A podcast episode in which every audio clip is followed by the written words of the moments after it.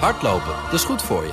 En Nationale Nederlanden helpt je daar graag bij. Bijvoorbeeld met onze digitale NN Running Coach... die antwoord geeft op al je hardloopvragen. Dus, kom ook in beweging. Onze support heb je. Kijk op nn.nl slash hardlopen.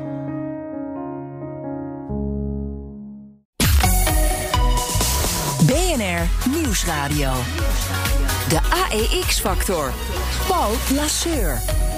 Welkom bij de AEX-factor met daarin alles over de beurzen, beleggen en vermogen opbouwen. We struinen de beurzen af voor het belangrijkste en meest bizarre nieuws... van bitcoin tot Tesla, van goud tot sojabonen.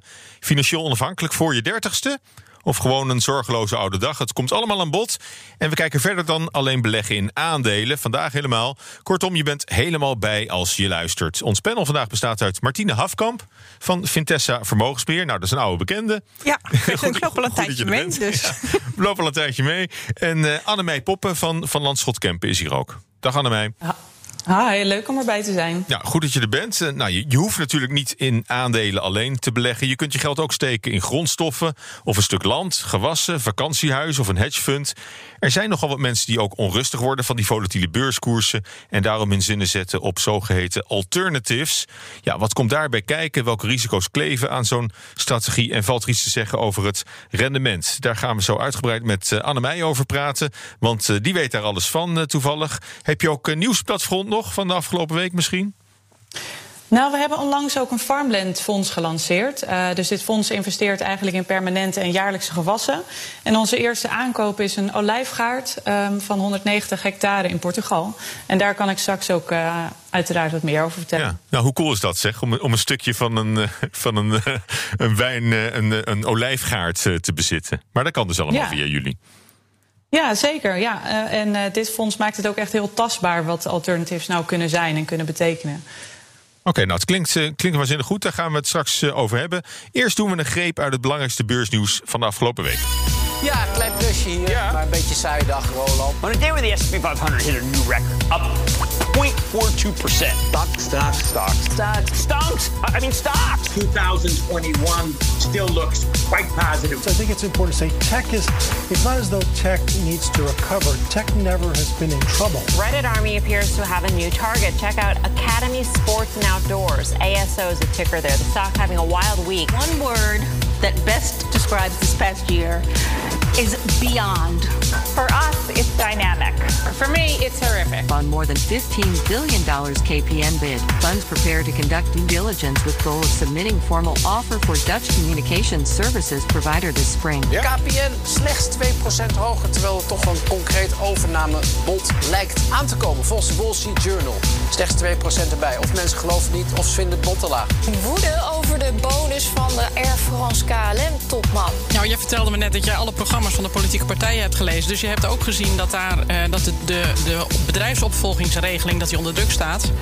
En um, dat er eigenlijk waarschijnlijk straks geen vrijstelling op erfbelasting meer is op het moment dat je een familiebedrijf doorzet naar de volgende generatie. Ja, dat is nog, een hoop gebeurd als je dat zo hoort in, in vogelvlucht. Het belangrijkste beursnieuws, denk ik, voor, voor, voor, Nederland kwam van KPN. De Wall Street Journal die meldde woensdagavond dat twee grote private equity huizen een bod voorbereiden op het Nederlandse telecombedrijf. Uh, Martine, ben je daardoor verrast? Nee, hier kan je niet echt door verrast zijn. Eigenlijk gaat er al heel lang gaan er iedere keer weer overnamegeruchten rond KPN. Begon natuurlijk al in 2013 uh, met meneer Carlos Slim. We weten het allemaal mm. nog goed. Bod van uh, 8 euro, wat natuurlijk nooit door is gegaan. Um, en daar werd toen ook een stokje door uh, ja, voor gestoken. Precies, hè? toen hebben ze zelfs de rolluiken werden ratelen ja, neergelaten. Ja, precies, met een beschermingsconstructie extra opgetuigd. En dit, uh, zeg maar, EQT, dat is dan de Zweedse mm. partij... die heeft eigenlijk in oktober al aangegeven... dat ze daar wel interesse hebben in glasvezelnetwerk van uh, KPN. En nu hebben ze dan een tweede, zeg maar, partner daarbij gevonden of een partner in crime. Uh, ze zijn misschien nog op zoek naar een derde. Maar als je ook ziet wat er. Nou ja, er gaan dan geruchten dat het ongeveer dat bod dan rond de 3 euro per aandeel uit zou moeten komen. Dus eigenlijk niet zo. Het is niet zo heel veel hoger dan de huidige koers. En ik denk dat ook heel veel beleggers denken: nou eerst zien en uh, dan geloven. Ja, want er gebeurt natuurlijk 12,6 miljard euro kom je Ja. dan uit voor het, voor het geheel. Ja, maar dat is eigenlijk de waarde van KPN op de beurs nu al best wel. Want eigenlijk is de grootste grootste zeg maar, oplopen van de koers is geweest sinds het eerste, zeg maar, dat EQT vorig jaar zijn, in oktober zijn, uh, zeg maar, zijn interesse bekend maakte. Uh, ja, toen stond het nog op 217 KPN. En uh, dat was dus wel, dat is bijna 45% hoger inmiddels. Dus daar, dat, in wat dat betreft is dat ritje al geweest. Ja. En, dus, ja. en als je dat dan vergelijkt met, uh, met het bod destijds van uh, Carlos Slim, dat was een stuk hoger. Ja, maar dat wilden we toen niet. Hè? Ik bedoel, en inmiddels is er heel veel veranderd. Als je ook kijkt, natuurlijk, de Nederlandse overheid die heeft eigenlijk uh, glasvezel of KPN dan tot kritieke infrastructuren be, benoemd of betiteld vorig jaar in een wetsvoorstel. dus die, die zouden voor kunnen gaan liggen voor een mogelijke mm. overname. Nou, waar, waar je het daar straks al over had, zit natuurlijk een forse beschermingsconstructie zit er op KPN zelf. De stichting die kan dan zomaar, die heeft de doorslaggevende stem. Dus um, als KPN niet wil, gebeurt er weinig, denk ik. En het ministerie nee. van Economische Zaken. Dus als het echt spannend wordt, worden er in één keer zoveel aandelen extra uitgegeven. Ja, en dan is het stemrecht ja. daar en dan is de hele constructie natuurlijk uh, verdwenen. En je hebt natuurlijk nog een paar andere complicerende factoren. Uh, mm. Natuurlijk, ABP heeft niet zo heel lang geleden bekendgemaakt dat ze natuurlijk samen met het KPN in joint venture. Uh, ja, glasvezel, glasvezel, ja, glasvezel. Hè? Dat, ah, dat is natuurlijk de toekomst zijn nu ja. hele grote investeringen. Maar ik snap het vanuit het ABP natuurlijk ook heel goed. Het is een hele stabiele kaststroom. Want nou, de digitalisering in de wereld mm -hmm. gaat gewoon door. In Nederland ook. We willen allemaal heel graag van alles uh, data, verkeer, technisch allemaal sturen. En dat mm -hmm. moet allemaal steeds sneller. Dus ja, je hebt een hele stabiele kaststroom. Dus voor ja. een investering, dan bedoel en alles bij elkaar. Wat je dan uh, bedoel, wat. Maar goed, KPN wordt nog niet echt gewaardeerd op de beurs als, nee, als een glasvezelbedrijf. Nee, nee, nog niet. Dat is omdat eerst die investeringen ja. er daar allemaal gedaan moeten worden. En daar natuurlijk allerlei kinken in de kabel kunnen komen van mm. over van gemeentes die uh, dwars liggen of die het anders willen. En je hebt natuurlijk ook altijd nog. Ik bedoel, KPN is niet uniek in Nederland. Ik bedoel, er zijn meer kapers uh, mm. op de kust. Want je hebt natuurlijk anderen die uh, glasvezel proberen uit te rollen. Dus in die zin zie je dat terug. En kijk, het enige eigenlijk denk ik ook waar deze partijen in geïnteresseerd mm. zijn, is dat glasvezelnetwerk. En niet in alle andere dingen die KPN ook nog natuurlijk levert. Ja, omdat ze, ze hebben ook Delta al gekocht. Hè? Ja, hebben ze al eerder gedaan. En, uh, bedoel, en ook alleen voor het glasvezel. Ja, ja, ja, ja. En ze zitten ook al in Duitsland. Uh, en zeg maar, de, die Amerikaanse partij, die Stonepeak, die er nu bijgekomen is, die heeft al een grote overname mm. weer gedaan in, uh, in de Verenigde Staten. Dus in die zin is het wel logisch dat ze dan proberen natuurlijk een beetje schaalgrootte te krijgen. Maar, maar de hamvraag is natuurlijk is, is KPN eigenlijk wel te koop? He, als, nou, als, als de overheid zegt het is een kritieke sector, he, we, we willen geen buitenlanders in, op ons glasvezel uh, hebben. Ja, dan of, of, is, een beetje op. of is dat alleen voor de Chinezen en de Zuid-Amerikanen? Nou, dat zou je Misschien kunnen. dat we Zweden en, en, en Amerikanen, en de VS, dat ja. vinden we wel leuk. Ja, weet het niet. Dat, dat, dat, dat minder een probleem vinden. Uh, nou, dat, dat, dat zal de tijd leren. Maar je hebt ook nog meneer Carlos Slim, hè, want die heeft ook nog steeds 20% van de aandelen. Dus uh, die moet dat ook willen. En die heeft natuurlijk net weer een converteerbare obligatie uitgegeven op 15% van zijn Mhm. aandelen. Tegen een rente van min anderhalf procent Ah. voor drie jaar. Dus, um, en die zou theoretisch, als een heel hoog overnamebod komt, dan kan hij die converteerbare obligatie vervroegd aflossen. En dan moet je weer zien wat hij met die aandelen doet. Maar dat hele pakket zit nu eigenlijk een beetje vast natuurlijk. Ja. Nou goed, Dus een hoop, zie- hoop complicaties nog. Ja, ik zie heel veel. ik bedoel, ik zie dat niet zo 1, 2, 3 gebeuren. En dat zie je natuurlijk eigenlijk bij de meeste andere beleggers ook. En daarom zag je eigenlijk niet ontzettende Die koersreactie. hele lauwe reactie Ja. op de beurs. Hè? Ja. Want als het nou echt tot, tot een deal komt, als dit, als dit gaat dat, dat kan alleen als, als dat bod flink omhoog gaat, denk ik. Ja, dat sowieso. En, ehm, en dan zou het kunnen. En dan is het fijn als KPN in een stabiel groter geheel op kan gaan. Want het is natuurlijk wel een beetje wat helemaal. Ze hebben toen natuurlijk ook E Plus verkocht eh, Mhm. in Duitsland. Ehm, ja, het is een beetje te klein voor tafellaken, te groot voor het servet. Uh, maar in Europees verband zijn ze natuurlijk een superkleine speler. Dus dan zou het ook wel weer schaalvoordelen met zich mee kunnen brengen. Maar ja, ik zou ook denken, als ik KPN was... ik heb nu zo'n deal gesloten met het ABP... misschien willen wel meer pensioenfondsen eens wat geld in ons steken. Maar dan wordt, dan wordt het een heel ander soort onderneming eigenlijk. Hè? In ieder geval qua, qua financiering dan. Ja, maar dat zou voor KPN denk ik heel goed zijn. Want de financiering die kunnen ze redelijk goedkoop krijgen dan. Het is voor de pensioenfondsen ook supergoed. Want die zitten nu te beleggen in allemaal hele grote, Mhm. of hele lang lopende obligaties. waar ze ook geen pepernoot op eh, krijgen. Dus het is eigenlijk een soort win-win situatie, lijkt mij hoor. Maar Ja. Nou, ander nieuws dan eh, kwam van het IMF. Hè. Die zijn dol enthousiast over de mondiale groeiperspectieven. I- ineens denken ze dat, we, dat de wereldeconomie 6% gaat groeien. Dat was 5,2%. Dus dat is een behoorlijke sprong vooruit. Het is vooral dankzij de VS, hè, denk ja, ik. Ja, want eh, daar eh, gaan natuurlijk de, de geldkranen zijn er wagenwijd open. Eerst kwam Joe Biden met zijn steunpakket van Mhm. 1900 miljard, wat hij dan net door het congres heeft geloosd en eh, geloodst. En de eerste, zeg maar, de, de 1400 dollar checks, gratis helikoptergeld, dat is ook alweer de deur uit. Eh, maar toen kwam hij natuurlijk nog met een heel groot plan eroverheen van eh, om de infrastructuur, zeg maar, wat op te kalefateren en het onderwijs enzovoort. Nou, dat mag ook wel, maar dat is ook weer een plan van minimaal 2000 miljard. Dus het is wel van dik hout zaagt men planken. En natuurlijk als de ec- eh, Amerikaanse economie vaart krijgt, ik bedoel, Mhm. niet alles wordt in de Verenigde Staten geproduceerd, dan krijg je ook uitlegspeeleffecten naar de rest van de wereld. Want er wordt veel meer geïmporteerd. Dus kan de rest van de wereld daar zijn voordeel mee doen. Ja, dus dat is dan de, de locomotief van het, Ja, van het herstel. zoals zo vaak, hè? Wereldwijd. Ja, nou, bedoel, dat is dus ook een beetje, een beetje ouderwets. eh. Ja, nou, je bedoelt, bedoelt bij de Verenigde, ja, de Verenigde Staten ze, zitten altijd te Ja. zeuren over Amerikaanse aandelen zijn duurder dan Europese en nu komt echt de draai. Mhm. Maar je ziet ook echt gewoon dat de, Euro- de Amerikaanse economie veel harder aantrekt. Ze, vorig jaar Mhm. waren ze harder gedaald dan de Europese. Nou, dus Ja. dan zou je kunnen denken Europa kan dan sneller ook wel weer herstellen. Maar eh, niets is minder waar. Ja. En dan heb je ook nog de, de, de Fed natuurlijk. Hè. Die kwam ook met, de- met de notulen. Ehm, ja, de, de rente hè, die, die, die, blijft, die blijft zo laag voorlopig lijkt het. Ja, Dat, de, eh, de Fed die heeft gewoon, die zegt van, nou ja, oké, de grondstoffenprijzen bijvoorbeeld, die stijgen wel. We zien ook andere prijzen stijgen, maar we denken allemaal dat dat een tijdelijk effect is. Want als je ziet, de werkloosheid is nog steeds wel hoog. Nou, er zijn nog steeds onzekerheden rond de ontwikkeling van de coronapandemie. Want in de Verenigde Staten gaat dan het inenten en het vaccineren best. Natuurlijk in een goed tempo, maar in Europa, daar hebben we van alles over, gaat het heel wat minder. Ja. Dus dat is allemaal eh, niet zo handig. Dus die zegt van, nou ja, bedoel, we, laten, we willen ook de inflatie wel ietsje meer laten oplopen dan die 2% Maar we zien voorlopig nog geen eh, reden om rente te verhogen. Nou kan dat natuurlijk ook niet Hm. met al die schulden die gemaakt worden door de overheden. Dus het gaat dan wel over de korte rente. Hè? Want inflatieangst, die zag je de laatste tijd een beetje in de lange rente. maar goed, neem niet weg dat, dat Amerika duidelijk de, de lead neemt in het herstel van, Ja, de, van de helemaal. wereldeconomie. Ja. En mede dankzij, dankzij denk ik de houding van, eh, van de Fed eh, daarin.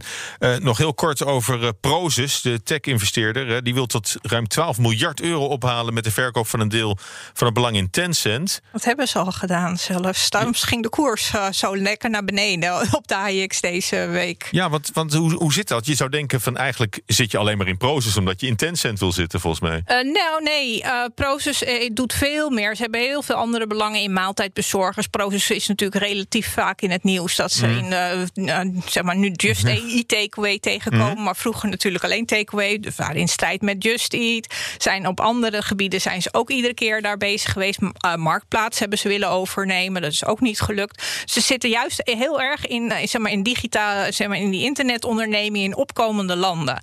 En die bela- belangen krijg je er allemaal meer dan gratis bij. Er zit namelijk een hele discount op Proces, op de, zeg maar, de beurswaarde van Proces ten opzichte van het belang wat ze in Tencent En, hebben. en, en zie je de komende tijd nog wel dat ze die discount gaan eh, ontsluiten? Nou ja, ik denk het wel. Ik zit er voor mijn klanten al, al een tijd in belegd in Proces. Juist omdat ik wel de toegevoegde waarde zie. En dat is ook, eh, kijk, ze zitten dan, ze, ze zeggen zelf ook. Maar die deze week kwam dat er nog niet uit. Nou, nou ja, het- is er eigenlijk al lang uitgekomen. het is nu gewoon een beetje eraf gegaan. Maar ze zeggen zelf ook, we maken gewoon meer dan 20% rendement op onze andere belangen.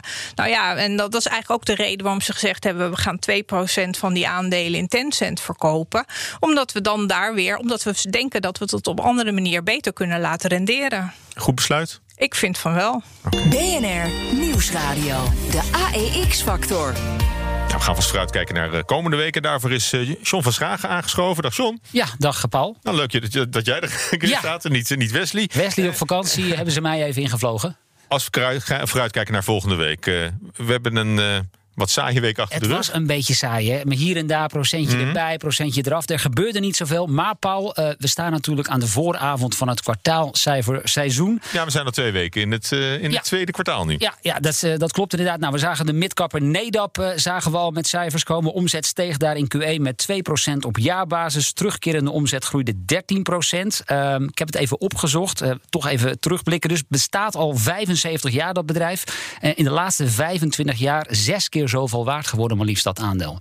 Dus daar, daar gebeurt nog wel wat. Nou, dan wat, zien we dan wat, wat doen ze eigenlijk? NEDAP? ja, Nedap, dat is dat bedrijf uit, eh, uit Groenlo. En zij zijn onder meer bekend van de voorraadsystemen voor kledingwinkels. Maar Dat, zij, dat was geen topsector, denk ik. Nee, eh, dat lijkt mij ook jaar. niet. Maar zij hebben ook een technologie waarmee boeren kunnen zien of hun koeien tochtig worden. Nou, jij woont in een klein dorpje in Noord-Holland, dus jij moet weten wat dat betekent. Ik weet wat een tochtige koe is. Ja, ja, oké, helder. Ja. Of er inderdaad gedekt kan worden. hè. Ja. En eh, varkens die berig worden, kunnen ze dat ook meten? Of niet? Ik heb geen idee.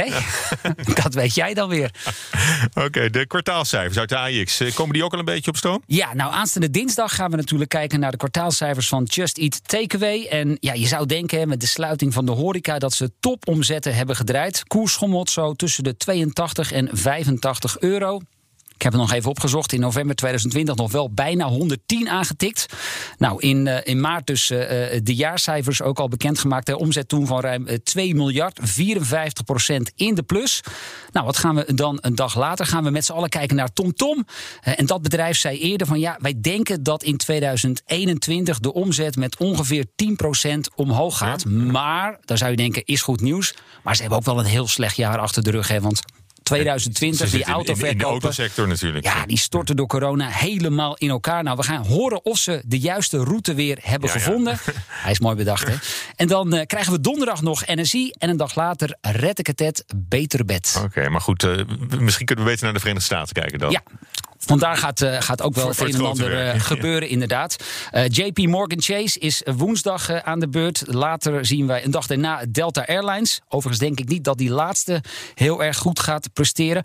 Maar, en dat is wel opvallend, overal zijn de verwachtingen eigenlijk best wel heel hoog gespannen. Onderweg hier naartoe hoorde ik Corné van Zijl nog even bij onze collega. Thomas eh, van Zijl bij Zaken doen. En hij geeft, dat weet je, elke week het cijfer van Corné. En vandaag was dat 23,8 procent.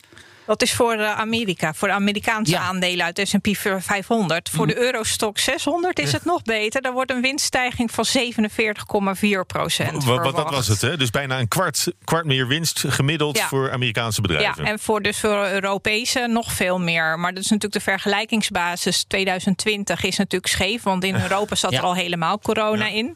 En iedereen heeft het dan over die beurskoersen die zo hard opgelopen zijn. Maar de winstverwachtingen zijn nog veel harder opgelopen. Dus eigenlijk worden aandelen goedkoper. Maar dat is, dat is een ongekende winstverwachting. Hè? Dat, dat Ja. komt niet vaak voor. Het wordt een feestweek. Ja, o- Nou, als, dat hoeft als, niet. Als, het, als het wordt waargemaakt. Het- het- Ja. je, je moet het wel halen natuurlijk. Ja. Of, of eroverheen liefst. Nou, maar als Corné het op de radio zegt en Martine bevestigt dit, Ja, ja. dan, eh dan ja, geloof de ik verwachtingen bevestigen niet de resultaten. Maar, maar Europa dus nog beter Ja. in de verwachtingen dan, eh, dan Amerikaanse aandelen. Nou, dankjewel. John Verschragen.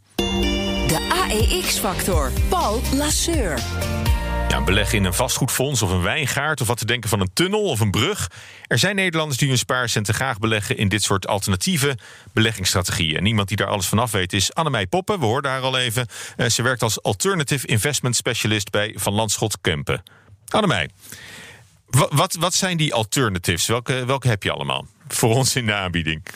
Nou, Alternatives is eigenlijk een verzamelnaam voor alle niet-traditionele beleggingen. Die over het algemeen dus ook een lage correlatie hebben met traditionele beleggingen, Mhm. zoals aandelen en obligaties. Ja. Eh, en je kunt alternatives eigenlijk weer verdelen over private markten. Dus denk aan private equity, infrastructuur, vastgoed en land. Hedgefundstrategieën en private debt, zoals distressed debt en direct lending. Dus het is heel divers. En het grootste verschil eigenlijk met beleggen in aandelen zit hem in de risico's. Dus als belegger eh, in aandelen loop je voornamelijk marktrisico. Eh, waar dat minder speelt bij alternatives. Want daar is wat meer illiquiditeit en complexiteit. Waarvoor je dus vaak weer eh, specialisten nodig hebt om je echt ehm, eh, te helpen te beleggen in alternatives. Oké, en is het dan wel interessant voor particuliere beleggers om zich op dat terrein te begeven? Want zon- zonder specialist kom je niet ver, begrijp ik. Nou, uh, wat je inderdaad ziet is dat voorheen uh, deze categorie alleen toegankelijk was voor institutionele beleggers. Maar je ziet dat in de afgelopen tien jaar echt enorm veel toename, een grote toename is geweest in het aantal beleggingsfondsen, ook voor particuliere beleggers. En wat je tegelijkertijd ziet is dat, hè, je noemde het net al even met die lage rentes, dat beleggers gewoon op zoek zijn naar alternatieven. Letterlijk. Dus ik ben zelf ook naar alternatieven gaan kijken voor, voor mijn spaarrekening. Ja, um, want dus het wordt veel populairder ook voor, voor particulieren om hier naar te kijken. Uh, ja. Alleen al omdat die rente zo laag is, krijgen ze niks meer op een, eh, op een spaarrekening. Dat is het bekende verhaal, maar dat, dat drijft ze ook naar aandelen. Waarom zou je dan niet naar aandelen gaan, maar wel naar een alternative?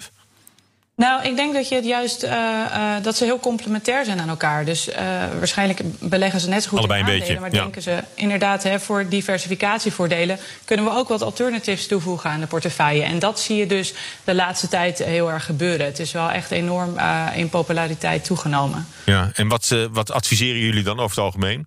Als je een, een particuliere belegger aan, aan tafel hebt of aan de telefoon, die zegt van joh, dat, dat lijkt mij gewoon wat. Niet alleen aandelen, een beetje spreiden ook alternatives. Wat, is dan het eerste waar ze naar, uh, naar vragen over het algemeen? Uh, nou, ik, ik, waar ze naar vragen, dat is vaak echt waar beleg je nu precies in? Hè? Want het klinkt mm. interessant, infrastructuur of land, maar wat houdt het nou in en waar gaat mijn geld nou naartoe? En je merkt wel dat er echt een stukje educatie nodig is en dat alternatieve beleggingen gewoon niet altijd even tastbaar zijn. Um, en wat wij ook altijd adviseren is om het in ieder geval uh, uh, te spreiden. Dus je risico's te spreiden. En ook te kijken of dat stukje liquiditeit uh, wat je in de portefeuille opneemt, of je daarvoor genoeg gecompenseerd wordt. Ja, want stap je in voor een, voor een aantal jaren ook meteen?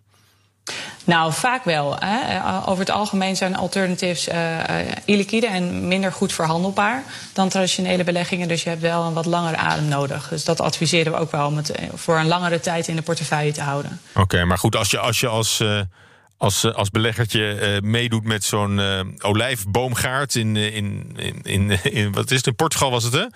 In hoe, Portugal, ja. Hoe gaat het dan in, in, in zijn werk? Dat gaat gewoon via jullie, dan nemen ze gewoon een belang in, in jullie fonds. En dan, ja. uh, maar dan, zijn ze, dan kunnen ze zich mede-eigenaar van, van zo'n van zo'n wijngaard noemen of van zo'n olijfgaard.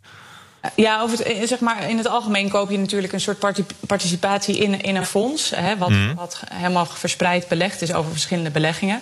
En voor dit specifieke Farmland Fonds, dat is nu eigenlijk alleen open voor uh, onze pensioenfondsklanten. Mm. maar dan beleggen we inderdaad in permanente en jaarlijkse gewassen. Dus zoals olijfgaarden, groenten en kiwis.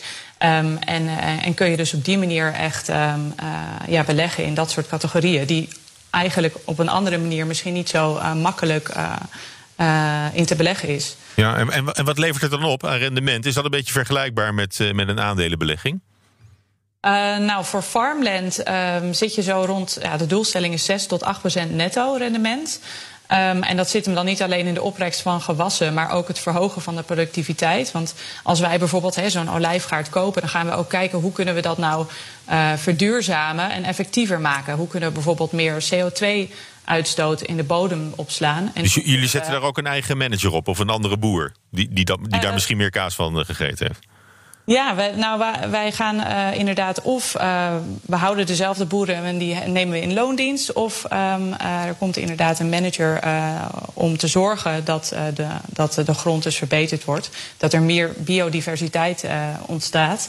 Um, en zo proberen wij dan ook echt hè, aan verduurzaming mee te helpen. Want wij zien eigenlijk land niet uh, als het probleem voor klimaat- en biodiversiteitsproblemen, maar meer als een oplossing daarvoor. Dus om echt mm -hmm. actief met de boeren en de telers en andere partijen in de keten in gesprek te gaan over duurzame en betere systemen, kunnen we echt verandering teweeg brengen. Kijk, een voorbeeld is bijvoorbeeld hè, die olijfgaard die we hebben aangekocht. Nou, tussen die olijfgaarden ligt nu gras. Uh, en, er, en, worden pesticiden gebruikt om onkruid uh, weg te halen. Nou, wat wij dan gaan doen is een ander soort type gewas tussen die olijfgaarden plaatsen. Dat is in dit geval een kruidenrijk grasland. Dat zorgt ervoor dat er meer CO2 in de bodem komt. En het water ook beter doorstroomt en bijen en vlinders aantrekt. En dat zorgt weer voor meer biodiversiteit. Dus um, oh. ja, echt een, een, fonds wat impact uh, heeft. Ja, dat gaat een stuk verder dan een, een, een wat anonieme een aandeleninvestering, denk ik, uh, over het algemeen. BNR Nieuwsradio, de AEX-factor. Mijn gasten zijn Martine Hafkamp van Vintessa Vermogensbeheer en Annemij Poppen van, van Landschot Kempen. En we praten verder over alternative investments. En ja, dat kan via Van Landschot Kempen. Je kunt beleggen in infrastructuur, zag ik eh, bijvoorbeeld, uh, Annemij. Uh, waar investeer je dan in? Ja, dat klopt. Um, ja, bij, bij, infrastructuur denken veel mensen misschien alleen aan, aan, wegen en vliegvelden. Maar je belegt ook in havens, satellieten, communicatietorens of pijpleidingen. En Glasvezel? Glasvezel, zonnepanelen, windmolenparken. Dus het is echt heel divers. Um, en wat leuk is aan, aan de infrastructuursector... Uh, is dat je echt belegt in megatrends, hè, zoals digitalisering en uh, energietransitie. Dus dat maakt de se sector echt uh, iets um, wat bezig is met de toekomst. Ja, en levert het ook de, de rendementen die je daarbij zou, zou verwachten? Of dat, dat je hoopt hè, dat, je, dat je meebeweegt met die energietransitie bijvoorbeeld? En, uh, en gewoon beredeneert van, nou ja, over, uh, over tien jaar moeten we allemaal elektrisch rijden bijvoorbeeld. Hè? Ik, ik noem maar wat. Ja, qua rendement moet je, moet je denken aan gemiddeld zo'n 7 tot 9 procent. Um, um, uh, maar wat wel leuk is ook om te vermelden, is dat het wel ernaar uitziet dat er de komende jaren wel nieuwe leuke investeringen en kansen zullen ontstaan. Want zo heeft Joe Biden uh, in maart dit jaar een infrastructuurplan uh, voorgelegd. En als dit plan wordt Al die potholes die moeten dicht natuurlijk in de Amerikaanse snelwegen. Nou, dat zal dus een immense stimulans zijn ook voor de sector in Amerika. Mm. Want het is gericht op het verbeteren van de transportinfrastructuur, investeren in schoon water en de energietransitie en het toewijzen van kapitaal voor de digitale infrastructuur. Ja, en, en op welke manier nemen jullie als fonds daar dan een belang in? Nou, wij, wij zijn eigenlijk altijd op zoek naar. Hè, we hebben zowel beursgenoteerd als uh, private infrastructuur uh, voor beleggers. Dus wij kijken altijd naar. Wij spelen in op die megatrends en kijken naar uh, ook duurzame bedrijven om in te investeren. Hè, zoals nutsbedrijven die leidend zijn in de energietransitie, bijvoorbeeld. Ja, oké. Okay. Hey, en een andere alternative die jullie bieden is distressed debt. Wat is ja. dat? het, het klinkt ingewikkeld, maar dat is het misschien niet. Nee, ja, nou, het, je belegt eigenlijk in het schuldpapier van bedrijven die in een dreigende faillissementsprocedure zitten. Uh, dus als be belegger ben je eigenlijk op zoek naar goede bedrijven met een slechte balans. Hè, bedrijven die hebben vaak te veel schuld opgebouwd en in een crisis gaan de opbrengsten omlaag en kunnen ze die schuld niet meer betalen. Nou ja, na herstructurering komen die bedrijven dus hopelijk weer uh, die dip te boven. En historisch gezien doen distressed debt beleggingen dus ook heel goed na een crisis zoals de coronapandemie. Oké, en uh, heb je een voorbeeld van een, van een bedrijf wat op die manier uh, jullie aandacht heeft? Nou, wat misschien wel een uh, bekend voorbeeld is, is, is de HEMA. De, de HEMA die, kwam natuurlijk ook in, in de problemen en is door de Jumbo-familie in de investeringsmaatschappij Parcom overgenomen en geherstructureerd. En zo kan, kunnen we eigenlijk voor zorgen dat het bedrijf gezond weer wordt en kan blijven voortbestaan. Dus dat is een recent Nederlands voorbeeld. Oké, en uh, hoe is de belangstelling voor uh, distressed debt onder, uh, onder beleggers? Nou, je ziet dat eigenlijk vooral particuliere beleggers en family offices, dus vermogende families, interesse hebben in, in distressed debt. Er is ook geen minim, minimum inleg bijvoorbeeld. En het is iets meer liquide, omdat je er toch iedere, ieder kwartaal weer uit kunt stappen. Um, en het geeft wel een aantrekkelijk rendement, dus de verwachting is zo ja, toch wel boven de 10% net. Dus dat maakt het aantrekkelijk voor, voor ja, voor een grote groep beleggers. Het lijkt eigenlijk wat meer op een, op een aandelenbelegging. Nou, nee hoor. Er is een hoger risico aan. Is, is het risico zoveel hoger? Nou ja, als je denkt dat uh, gewoon de rente negatief is in Nederland, 10 hmm. rente, dan is uh, 10%, boven de 10% is heel erg veel erboven. Hmm. Dus maar ja. dat weet je. Ik bedoel, hè, het is risico en rendement gaan hand in hand. En als je er vertrouwen in hebt, moet je het doen. Hmm. Uh, ik doe zelf dat soort dingen niet. Want ik krijg ook, ik hoorde al van ja, eens in het kwartaal kan je eruit. En ik denk altijd voor mijn klanten doe ik alles. Uh, is, moet beursgenoteerd zijn en dan moet ik dagelijks uit kunnen. Want ik heb uh, je weet nooit wanneer je als particulier je geld nodig hebt. In principe is natuurlijk het idee, je moet voor langere tijd uh, er niet aan hoeven te komen. Maar ik, bedoel, ik weet ook in tijden van crisis dat sommige knieën wat zwakker worden. Mm. en Annemij, kun, kun jij dat beamen? Dat particuliere beleggers een beetje um, ja, huiverig zijn om zich zo lang te, te, te committeren?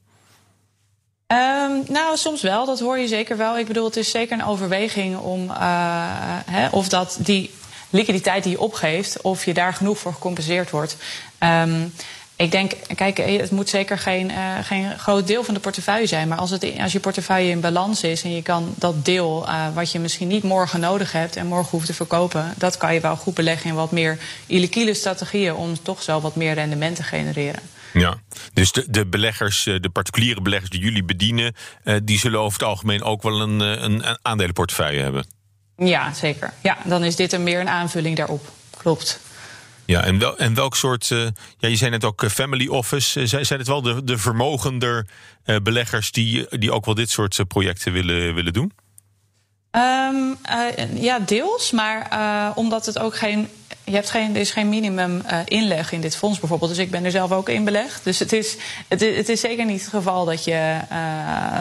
dat, dat je een bepaald vermogen moet hebben hiervoor. Het is meer dat, dat je gehele portefeuille, denk ik, meer in balans moet zijn en complementair moet zijn aan elkaar. Dat je niet te veel risico hebt op, op deze strategie. Want hè, zoals, uh, zoals gezegd is, dit, het is natuurlijk wel gewoon risicovol. Niet alleen liquiditeitsrisico, maar je hebt ook faillissementsprocedurerisico. Dat zijn gewoon tijdrovende en complexe processen. Dus daar moeten beleggers wel heel goed bewust van zijn. Ja heb je daar voorbeelden van dat het ook, ook wel eens misgaat?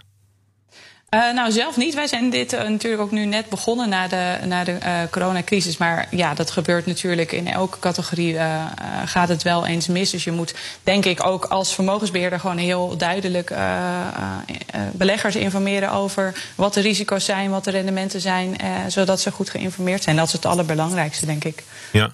Ja, en dat, dat geldt voor, eigenlijk voor alle beleggingen natuurlijk. Ik zie, ik zie Martine ook instemmend te knikken. Ja, ik bedoel, het vak zei, risico en rendement gaan hand in hand. En zolang het goed gaat op de beurs is iedereen blij en gelukkig.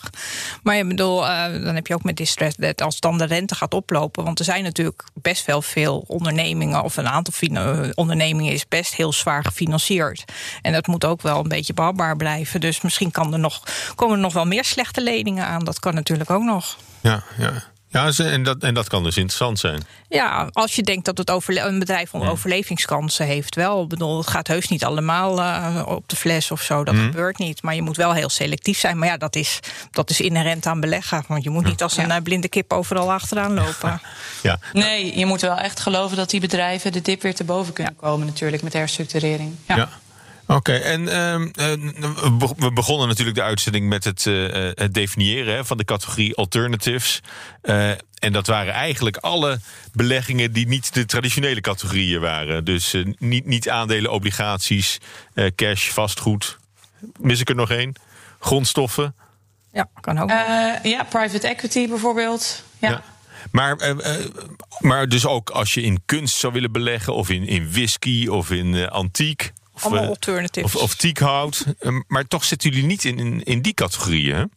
Nee, nee, ik denk dat dat toch wat meer de niche-spelers zijn die daarover uh, over adviseren of in beleggen. Dat doen wij zelf niet als Kempen. Um, uh, ik doe het persoonlijk eigenlijk ook niet. Maar het, het valt uh, officieel wel onder alternatieve beleggingen, ja. Ja, en, waarom blijven jullie daarbij uh, bij weg? Is misschien ook wel, uh, wel vraag naar. Misschien ook wel juist uh, als, je, als je toch de drempel wil verlagen, als de, als de rente aanhoudend laag is, mensen hebben geld niet aan andere dingen kunnen uitgeven het afgelopen jaar. ik kan me voorstellen dat er ook op, op dat soort beleggingen ook een run komt. Ja, ik kan, het kan me ook zeker voorstellen. Um, ik denk wel dat je daarvoor echt de goede kennis in huis moet hebben. Omdat het zulke um, uh, specifieke markten zijn. En je kan ook als vermogensbeheerder denk ik niet alles aanbieden. En je wil je toch ergens op focussen om daar gewoon de beste in te zijn. Dus wij hebben voor nu gekozen om, dan, om die kant niet op te gaan. Maar ja, je weet nooit wat de, wat de toekomst brengt natuurlijk. Ja. En, en, en, een deel van wat jullie aanbieden is ook uh, met name gericht op, uh, op pensioenfondsen, institutionele beleggers en niet op particulieren. Ja, dus eigenlijk beide. Ja, dus in onze private equity fondsen zitten juist weer heel veel particuliere klanten. Um, uh, maar we hebben ook veel uh, institutionele beleggers die bij ons in alternatives beleggen. Dus het is je ziet wel echt dat, eh, de, dat het nu voor alle type beleggers gewoon interessant is in deze lage rentendom uh, environment, zeg maar. Dus dat, dat is wel goed om te zien.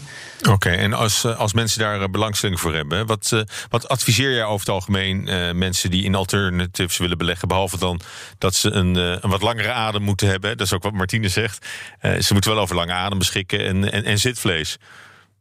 Ja, klopt. Nou dat. Maar ik zou daarnaast ook. Um, nou, zeggen, weet dat er in aandelen en obligaties ook risico's verbonden zijn. Eh, zoals momenteel bijvoorbeeld hoge waarderingen. Dus spreid je portefeuille daarom ook. Uh, en voeg al wat alternatives toe, hè, omdat ze complementair zijn aan elkaar. En zorg ook weer dat je die allocatie naar alternatives verspreidt over de verschillende categorieën die er zijn. En doe je huiswerk ook als het gaat om fondsselectie, want er is tegenwoordig wel echt heel veel aanbod en er zijn gewoon veel kwaliteitsverschillen tussen managers. Um, dus, dus dat is denk ik ook belangrijk. Er zijn lang niet uh, alle fondsen die nemen duurzaamheidscriteria mee in investeringsoverwegingen bijvoorbeeld. Dus als dat belangrijk is voor een belegger, dan moet je daar uh, ook echt selectief op zijn. Ja, hoe moet je dat aanpakken als je die uh, fondsen wil vergelijken? Zijn er ranglijsten van of kun je dat op een andere manier of, ja, of, of moet je overal de jaarverslagen van opvragen en helemaal doorspitten? Prospecten. Nou, zo, zo ver hoef je misschien ook niet te gaan. Nee, er zijn natuurlijk adviseurs die je daarbij kunnen helpen. Um, en zelf kan je op internet tegenwoordig ook wel heel veel vinden hoor. Maar het kost wel wat tijd. Het is gewoon wat minder uh, makkelijk te begrijpen, denk ik, dan uh, investeren in aandelen. Nou ja, daar moet je ook je huiswerk voor doen. En ik denk ook altijd, dat kost ook tijd. Want dat zeggen we, we het er straks over hadden. Anders ga je weer op de tipjes van anderen af. Maar je moet ook dingen ja. doen die bij je eigen zeg maar, beleggingsdoelstellingen passen. Mm. Dus, uh, en ja, nou ja, bedoel, gratis geld bestaat niet. Dus het is ook niet erg als je er een beetje moeite voor moet doen. Tenminste, dat lijkt mij. Mm. Ik bedoel, dan weet je, je moet weten waar je, waar je mee bezig bent. Want anders slaat het eigenlijk nergens op. Ja. Nee, helemaal eens. ja. Nou, wat ik ook leuk vond, uh, Annemij, is dat je zei van uh, je kan ook uh, met megatrends eigenlijk meeliften. Hè? Als, je, als je het hebt over de energietransitie bijvoorbeeld, dan kan een alternative een hele goede manier zijn om, ja, om, om, om daarin te, te investeren. De, dat, ja. je, dat, je, dat je verwacht welke kant het zich gaat opbewegen. De, de, wereld als geheel en, en, en dat daar een bepaald type, type fonds bij hoort. Ja, het is leuk dat dat dus via infrastructuur kan. Ik, weet, dat, ik denk dat veel mensen dat, dat beeld niet zo snel bij infrastructuur hebben. Maar uh, het is dus wel leuk dat je daar, daarmee echt um, inspeelt op trends. En echt bezig bent met de toekomst. En wat, uh, hoe ziet die wereld er straks uit en hoe kan ik daarin meebeleggen? Ja, want ook uh, duurzaamheid, hè, dat, is, dat is voor jullie dan ook een thema. Dat had je dan ook bij dat, uh, bij dat landbouw, uh, hoe heet het, het Farmland Fonds? Farmland Fonds, ja. Het Farmland Fonds. daar, dat, dat speelt daar ook een rol in, toch? Ja, nee, zeker. Uh, daar proberen we echt uh, de ja, klimaatproblemen en biodiversiteitsproblemen aan te pakken door de, de, beleggingen die wij doen zo te transformeren dat ze echt een impact hebben op, uh, op, op de wereld. Ja. Dat, het, dat, ja. En, dus dat, dat doen we ook. En, en, ook op het gebied van private equity eigenlijk. Ja, hoe, hoe loopt het via, via private equity dan?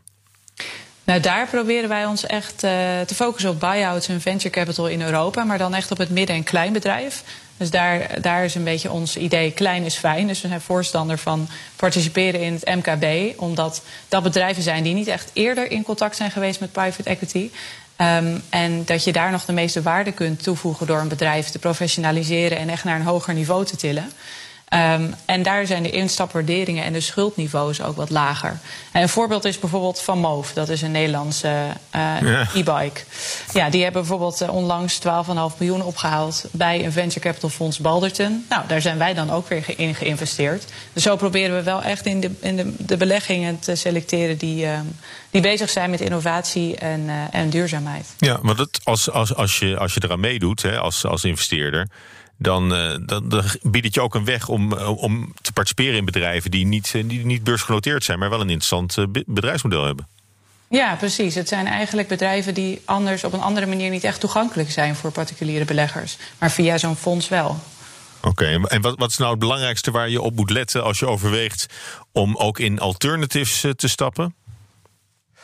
Ja, ik zou zeggen, uh, kijk goed uh, wat je beleggingsdoelstellingen zijn en wat je belangrijk vindt. Als duurzaamheid belangrijk is, kijk dan welke managers daar dan echt wat mee doen. Vraag ook echt waar, waar gaat mijn geld naar naartoe, wat zit er in de portefeuille.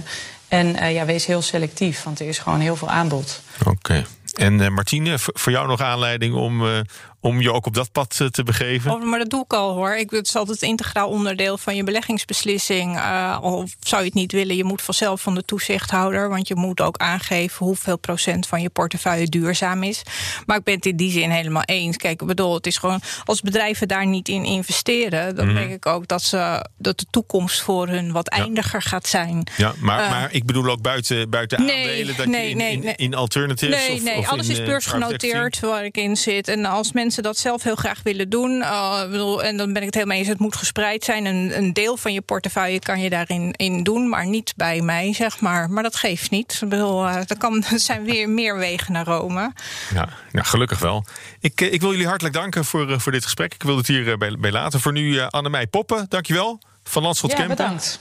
En graag tot de volgende keer. En Martine Hafkamp, hetzelfde. Vintessa Vermogensbeheer. Dank jullie wel. Dit was de AEX-factor. Ik hoop dat je de volgende week weer uh, luistert vrijdag. Elke vrijdagavond om 7 uur op BNR. En altijd via bnr.nl als extra lange podcast. En heb je voor ons een gouden beleggingstip? Of krijg je zelf wel eens een tip en wil je dan checken of dat uh, wat is? Laat het ons weten door een mailtje te sturen naar aexfactor.bnr.nl. Tot volgende week. Hardlopen, dat is goed voor je. En Nationale Nederlanden helpt je daar graag bij. Bijvoorbeeld met onze digitale NN Running Coach... die antwoord geeft op al je hardloopvragen. Dus, kom ook in beweging. Onze support heb je. Kijk op nn.nl hardlopen.